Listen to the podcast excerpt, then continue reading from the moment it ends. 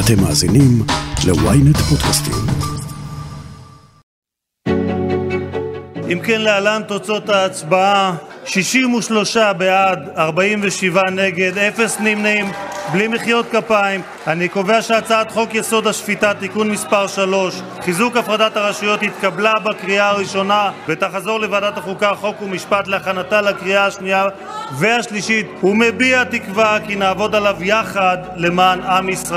זה היה משחק ידוע מראש. לכולם היה ברור שהקואליציה תנצח בהצבעה על תיקון חוק יסוד השפיטה, שמשמעותו תחילת המהפכה המשפטית שמקדמת הקואליציה. נשיא בית המשפט העליון בדימוס ברק, שלקח לעצמו יש מאין את הסמכות להיות מעל הממשלה, מעל הכנסת, מעל העם, בעצם מעל כולם. ואתם מדברים כאן על רפורמות שצריך לעשות. הצעת חוק אחת לא הבאתם אף פעם, אף אחד מכם.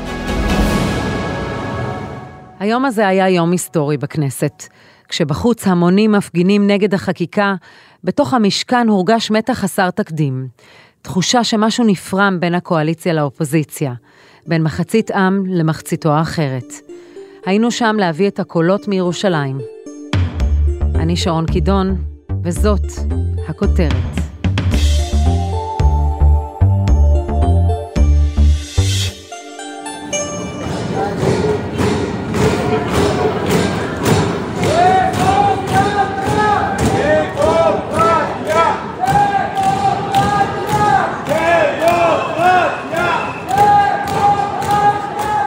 גם אתמול, שבוע שני ברציפות, עשרות אלפי מפגינים מילאו את גן הורדים והצירים שמובילים אל הכנסת. אנשים מכל רחבי הארץ, חלקם מבוגרים שהלכו קילומטרים, וחלקם ויתרו על יום עבודה או לימודים, הכל כדי להגיע להשמיע את קולם בזמן ההצבעה במליאה. אני דפנה לוינסון זמיר, אני מרצה בפקולטה למשפטית ולפנים הייתי דקנית הפקולטה למשפטים. אני כאן כי אני חייבת להיות. בלי דמוקרטיה אין אקדמיה ואין שום דבר אחר בישראל. זאת אחת ההפגנות הכי חשובות שהיו אי פעם במדינה. שמי תומר פרסיקו, אני אקדמאי, עמית מחקר במכון אה, שלום הרטמן. אני כאן כי בישראל הפרדת הרשויות גם ככה חלשה. וההפיכה המשפטית שמתכננים תרסק את הפרדת הרשויות ובעצם לא תשאיר אותנו בדמוקרטיה ראויה לשמה, אפשר לומר.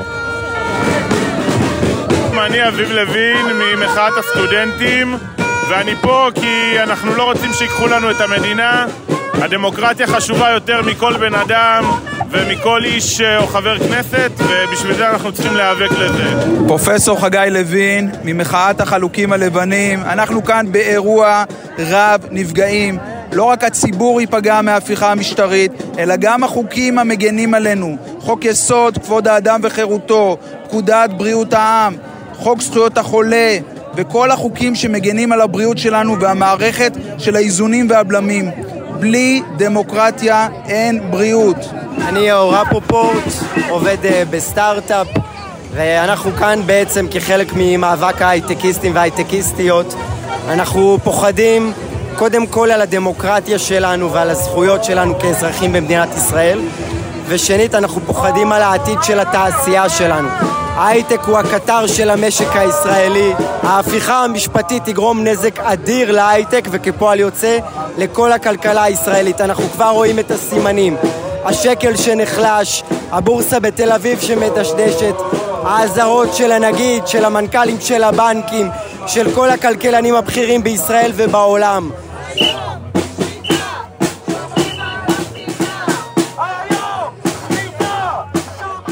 לאחר שבשבוע שעבר הגיעו 300 אלף מפגינים לאחת ההפגנות הגדולות בתולדות המדינה, הפעם ראינו מספרים יותר נמוכים.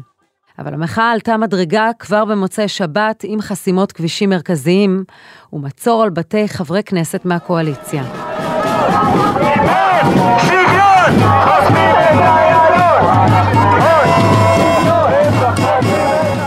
קוראים לי אפי טולדנו. אני לא מוכן שחבורה של פושעים, חבורה של פושעים, בריונים, שנמצאת כרגע בשלטון, תשנה את חוקי המשחק. אני יודע להפסיד בחירות. הפסדתי ברוך השם מלא פעמים בחירות, אבל זה לא להפסיד בחירות.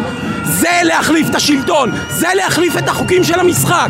אנחנו לא נהיה מוכנים, אנחנו נטרלל את המדינה, אנחנו נטרלל את החיים פה, אנחנו לא נסכים!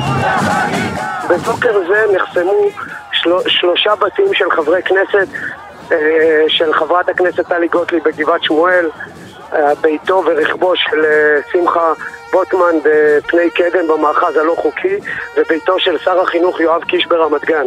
ברגעים אלו כולם חסומים מלצאת מבתיהם.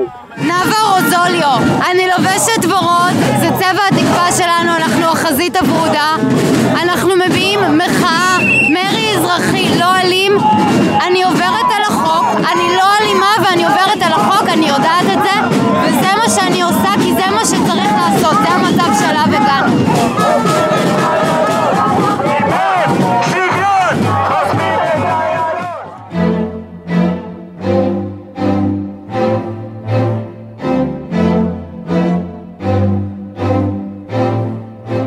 בתוך המשכן ראינו את סערת הרגשות של חברי הכנסת משני הצדדים. ראיתי את הכל חוץ ממה שעוד לא ראיתי. את שר המשפטים לשעבר, חבר הכנסת גדעון סער, פגשתי במשרד שלו. על הפנים שלו רואים שמדובר ביום קשה עבורו. כבר בתחילת הכנסת הזאת אמרתי לאחד הקולגות שלך, זאת הכנסת הכי משמעותית שהייתי בה מאז הכנסת השש עשרה. פה אה, נחצים קווים אדומים ופוגעים במשטר הדמוקרטי, אין דרך אה, אחרת להגיד את זה. אנחנו רואים את האנשים בחוץ, אה, המחאה שוב מתחילה בשעות האלה לקראת ההצבעה. יש לזה משמעות בכלל? מרגישים כאן במשכן את מה שקורה בחוץ? בוודאי שכן. אותי לפחות זה מרגש, רמת האכפתיות ורמת המעורבות של כל כך הרבה אזרחים, לדעתי של רוב הציבור, או לפחות מבטא עמדה של רוב הציבור, וראיתי את זה הבוקר אה, גם בסמוך לבית שלי, זה מאוד מרגש. ויחד עם זאת, זה יום מאוד עצוב.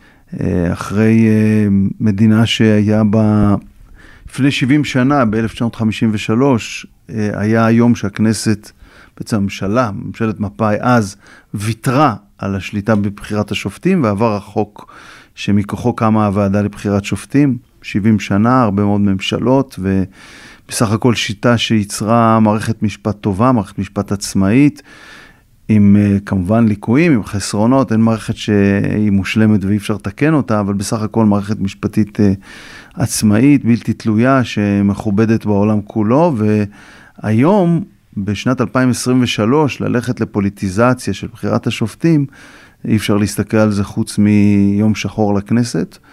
אז מה הצעד הבא? מה יקרה?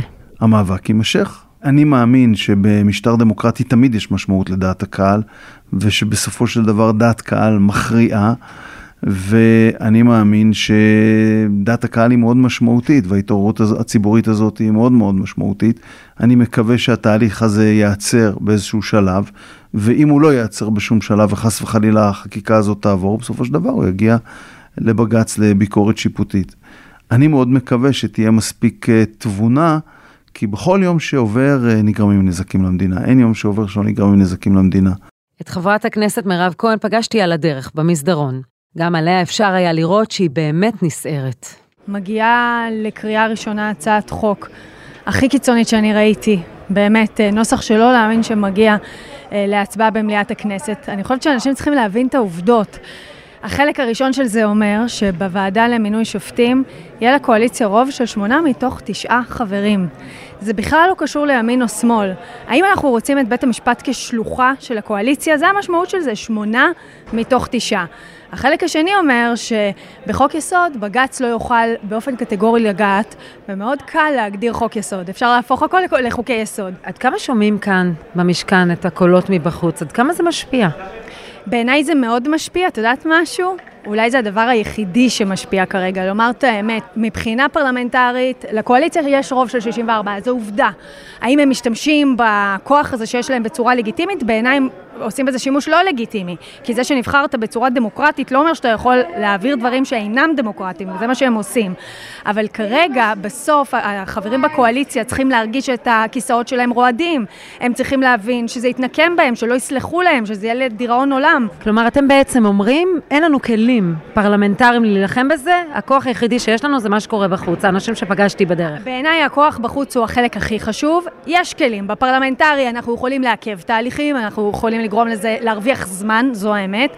בבתי המשפט אנחנו יכולים לתקוף סוגיות ולנסות לבלום אותן ברמה החוקתית, אז גם בבתי המשפט אנחנו נמשיך, אבל בסוף המלחמה על, על, על, על הציבור, על הדעה של הציבור, היא מאוד מאוד חשובה, כי הם פה מוכרים שקר שעל זה היו הבחירות וזה מה שהבוחרים שלהם רוצים, וזה לא נכון. זה פשוט לא נכון. אני חושבת שגם אנשים עם תפיסות עולם ימניות לא יכלו לדבר הזה, ואני לא חושבת שמערכת הבחירות הייתה על זה, לא על שיטת הסניוריטי ולא על איך ההרכב של הוועדה למינוי שופטים. הבחירות היו על ביטחון אישי, על מיגור הטרור, על יוקר מחיה. רימו את הבוחרים שלהם, לא בזה הם מתעסקים. מהיום הראשון שהקואליציה הזו מתפקדת, הם מתעסקים רק בדבר אחד, המהלך המשפטי הזה ולמלט את נתניהו ממשפטו.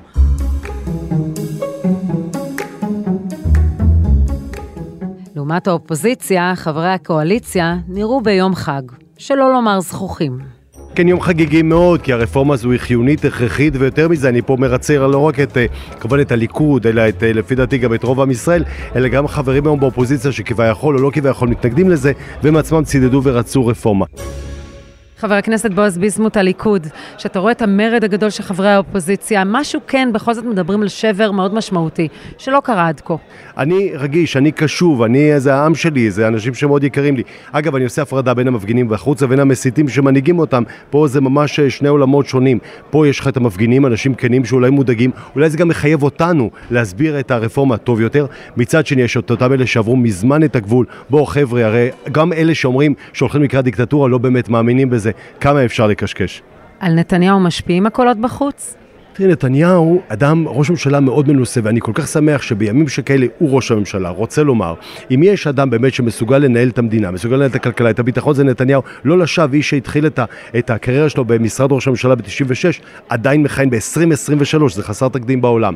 אבל מה שכן מצער אותי, זה שאדם כזה, מוצאים אותו מהמשחק, כאשר היועמ"שית אומרת לא לנשיא המדינה, שרוצה פה לערב אותו בכל הנושא הזה, ואומרים לא, אתה לא יכול, ניגוד עניינים. אני חושב שגם אנשים שלא הצביעו לנתניהו, היום רוצים אותו חזק בתמונה, אבל אם שני אנשים מצוינים מנהלים את העסק הזה, שר משפטים ויושב ראש ועדת חוקה, שני אנשים מאוד מנוסים, שני אנשים טובים, וכמה עצוב לראות איך ציירו אותם בצבעים כל כך כל כך קודרים, זה חלק מ... אולי אני אגיד לך משהו אחד, שרון, אתה חי בעולם של דימויים. זה עולם של פרצפציה, וכל הסיפור הזה, אם היינו מנתקים את הדיבויים ורואים את המציאות, היינו, האמיני לי, נוחתים כבר מזמן לקרקע את המציאות. גם חבר הכנסת צביקה פוגל מעוצמה יהודית לא התרגש מהמפגינים בחוץ, שקולם נשמע עד לתוך מסדרונות המשכן. תוצאות הבחירות הוכיחו כבר בראשון לנובמבר שהעם אמר את דברו ואנחנו קיבלנו את האמון. לצערי הרב, מה שאנחנו רואים בחוץ זה לא באמת התנגדות לרפורמה המשפטית שאנחנו רוצים לעשות. זאת התנגדות לממשלה, זה חוסר לגיטימיות לממשלה שמובילה את כל הצעדים הנדרשים כדי להחזיר את הביטחון לרחובות, כדי להחזיר את הכבוד הלאומי, כדי לשלוט באמת בנעשה פה. הממשלות הקודמות איבדו שליטה. אנחנו רוצים להחזיר לעצמנו את השליטה, ולצערי, בחוץ יש אנשים שמוסתים כדי שנחזור לאבד שליטה, כי כנראה שמישהו מרוויח מזה. ואני לא אתן לזה את ידי, ולכן אתם רואים אותי הולך פה מחייך ובטוח בעצמי, מסיבה מאוד פשוטה. אני יודע שאני לא עבריין, אני לא פושע, אני לא מושחת, הדבר היחידי שמעניין אותי זה טובתה של מדינת ישראל. כל מה שאני עושה פה הוא למען מדינת ישראל. לעומת פוגל, חבר הכנסת החדש מהציונות הדתית, צבי סוכות, נורבגי, שבועיים בסך הכל בתפקיד, גילה רגישות למפגינים. אולי כי הפוליטיקה חדשה עבורו, אולי כי הוא יודע מה זה להרגיש אאוטסיידר. במקום לשדר זכיחות, הוא החליט לצאת למפגינים ולדבר איתם. כן, אני עכשיו יוצא למפגינים, להקשיב, לשמוע. אנשים טרחו להגיע מהבית שלהם, לעזוב את יום העבודה, להגיע לירושלים בגללנו. באנו להקשיב להם וגם לספר להם למה אנחנו עושים את הרפורמה הזאת. אה, כן, חשוב לי מאוד לדבר, כן, אני חושב שזה הדבר הכי חשוב לנו בסוף כעם, אה, לשבת, לדבר, כמה שיותר לדבר ולדבר ולדבר, אני חושב שזה רק טוב יכול לעשות. מה תסביר להם? קודם כל אני רוצה להקשיב, הכי חשוב לצאת, אני יוצא בשביל להקשיב, ולהסביר, אני חושב קודם כל את הפרטים של הרפורמה, הרבה אנשים לא מספיק מודעים לכל הפרטים של הרפורמה, אני אשתף בתחושות שלי, אה, כמי שהיה בעמונה ובנתיב האבות, וגם בהתנתקות מגוש קטיף, וסבלנו מבג"ץ הרבה מאוד שנים, אנשי דרום תל אביב, ואת התחושות של אנשים שסבלו לאורך השנים מבג"ץ, ולכן אנחנו כן רוצים לקדם את הרפורמה, והיא בוערת לנו, אני מקווה שזה יעבוד.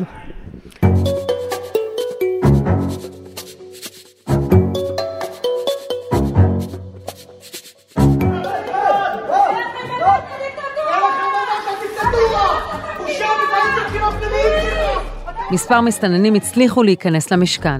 בזמן ההצהרה לתקשורת של ראש הממשלה נתניהו, ממש ליד עמדת העיתונאים שלנו, התפרצה לעברו מפגינה. להגדיר את זה, אפשר להגדיר את זה? בושה, בושה, למעשה אומרים לך, למעשה אומרים לך להפסיק לעסוק בעניין המשפטי. נתניהו לא נשאר חייב וגינה אותה ועל הדרך את שאר המפגינים. הנה שמעתי, שמעתי עכשיו את דבריה המלומדים והמנומקים של עוד אנרכיסטית. הם צריכים... הם באמת צריכים להתבייש. והפרובוקציות לא הסתיימו כאן. לא נכנסים עם תיקים היום למליאה. מהיום. מהיום. מה אתם אומרים? אחרי שיושב ראש הכנסת אמיר אוחנה אסר על הכנסת תיקים למליאה, האופוזיציה הבטיחה לעשות בלאגן וקיימה ועוד איך. ועכשיו אני רוצה להגיד משהו על שמחה רוטמן, כי זה הוציא אותי מדעתי. יושב לי פה, עומד, סליחה, האשכנזי הפריבילג הזה, ונותן לנו טיפים של, על קיפוח. הוא הגזען הזה. שאין, אין, אומרים יש עתיד רשימה לבנה, הרי אין רשימה יותר לבנה מהציונות הדתית, אין. וכן, אני לא אתבייש ואני אגיד גם מעל הדוכן הזה, גם גרמניה הנאצית, הם עלו לשלטון בצורה דמוקרטית, כי הם עשו מהלכים שבסופו של דבר השתלט עליה המטורף, יימח שמו וזכרו. אם הצעקות במהלך ועדת חוקה של הכנסת לפני כשבוע נראו כדרמה סוערת, הפעם המליאה געשה כשחבר הכנסת שמחה רוטמן עלה להציג את הצעת החוק. בניגוד מוחלט לרצונם של רוב חברי הכנסת בישראל, לא רוב, לא רוב 61, לא רוב 61, אלא רוב של מעל 80 חברי כנסת. ולכן, ולכן, ולכן... אפילו יציע האורחים פונה בכוח ממפגינים שהצליחו להיכנס ולהפריע.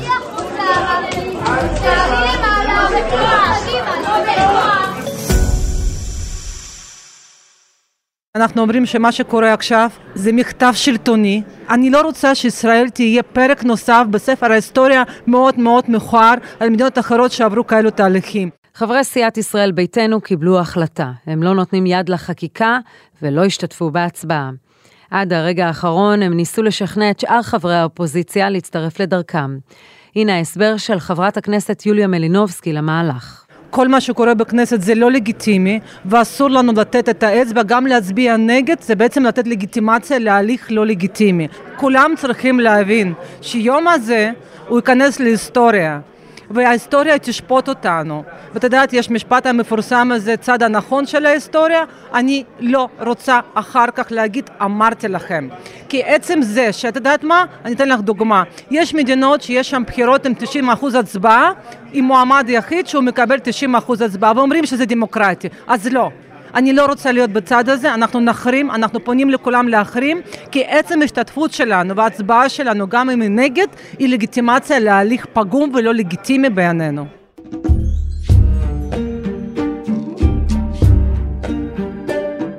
אז איך בכלל הגענו למצב הזה? כתבתנו הפוליטית מורן אזולאי ראתה דבר או שניים בקריירה העיתונאית שלה, ובשנים האחרונות גם הספיקה לחוות הרבה תלאות במשכן הזה. אבל גם היא מדברת על יום שלא תשכח. את יודעת, ישבתי בשבוע שעבר uh, בוועדה, ברגע שבעצם אושרו ההצעות uh, לקריאה ראשונה. ישב לידי uh, השר לשעבר מאיר שטרית ואמר לי ככה מלמל uh, בשקט, 33 שנה הייתי בכנסת, דבר כזה עוד לא ראיתי, ראיתי כאן מלחמות, ראיתי שלום, ראיתי התנתקות, ראיתי הכל, תמיד ידענו לדבר בינינו. המצב הזה שהמסדרונות כל כך סוערים, שהאווירה כל כך נפיצה, זה שיא חדש שנרשם בכנסת, וגם אני ככתבת פוליטית שמסתובבת בו כמעט 14 שנים, לא זוכרת כל כך הרבה אמוציות וכל כך הרבה פערים וכעסים שיש גם בין שני המחנות בחוץ וגם בין הנבחרים בפנים. בכל זאת, גם הפגנות כאלה לא ראינו הרבה זמן. הקולות בחוץ קצת סודקים את המשכן, את רואה גם בקרב הקואליציה שחוגגת היום-יום של ניצחון, את רואה משהו עליהם? כן, אני רואה שיש אה, לחץ בעניין הזה, בין היתר משום שפשוט לא התכוננו לאירוע מהסוג הזה. אה, ויש גם ביקורת פנים-ליכודית מאוד קשה על העניין הזה, כי בדרך כלל כשאתה יוצא למהלך כל כך גדול, אז אתה מכין את הקמפיין, ואתה מכין הסברה נכונה, ואתה מכין ומכין ומכין, וכאן יצאו לאירוע בסדר גודל, אולי אחד הגדולים שהיו כאן אה, בתחת ממשלות נתניהו, ופשוט לא נערכו לזה כמו שצריך. לא צפו את עוצמת המחאה, לא צפו את עוצמת ההתנגדות, לא צפו את אזהרות הכלכלנים, את האיתותים המדיניים, לא של האמריקאים ולא בכלל, ופשוט הגיעו לכאן אה, במצב לא מבושל, לא אפוי. והדבר הזה עכשיו כן נותן את אותותיו. יש בתוך הליכוד כל מיני האשמות, ואני לא מדברת על הליכודניקים המתפקדים של הליכוד, שהם תומכים בכל ליבם אה, ברפורמה, ואפשר לראות אותם פה מסתובבים בקומות, אה, מזהירים את השרים, לא פחות, אם אתם תתקפלו מהעניין הזה, אתם איבדתם אותנו. אז יש את הקול הזה של המתפקדים, אבל יש את הקול של אותם מנדטים ימניים מתנדנדים, שעליהם כל בחירות נלחמים, ושם הליכוד בבעיה מבחינת דעת הקהל, ואם לא יצליח להסביר את עצמו, או להגיע לאיזשהו אה, מתווה שירגיע את הרוחות, אה, נדמה לי שגם נתניהו וגם אחרים מבינים שמדובר בבעיה. יש לך לילה ארוך כאן במשכן, ואני חושבת על זה שאנחנו בעצם יודעים מה סוף הסיפור. אנחנו יודעים שאיך ינצחו כאן, בין אם ישראל ביתנו תשתתף או לא תשתתף במליאה, זה יוכרע היום. נכון, זה יאושר אה, בקריאה ראשונה, וזה בעצם אה, איתות אה, מצד אחד לאלקטורט הימני, לליכודניקים שמאוד מאוד רוצים את זה, להגיד להם, אנחנו נחושים, אנחנו עושים את זה עם האופוזיציה או בלי האופוזיציה, עם ההפגנות או בלי ההפגנות, אנחנו שם. מצד שני, יהיה פתח להידברות בין הקריאה הראשונה לבין הקריאה השנייה והשלישית. מורן אזולאי, תחזרי לעבודה הטובה שאת עושה. תודה.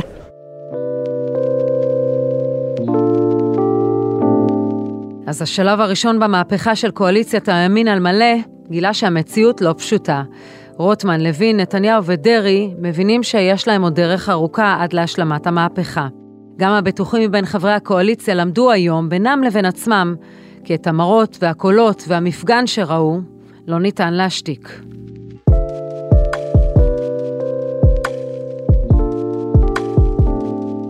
ועד כאן הכותרת להפעם, אתם מוזמנים לעקוב אחרינו בוויינט רדיו, באפליקציה, בנייד וגם ברכב, או איפה שאתם שומעים את הפודקאסטים שלכם.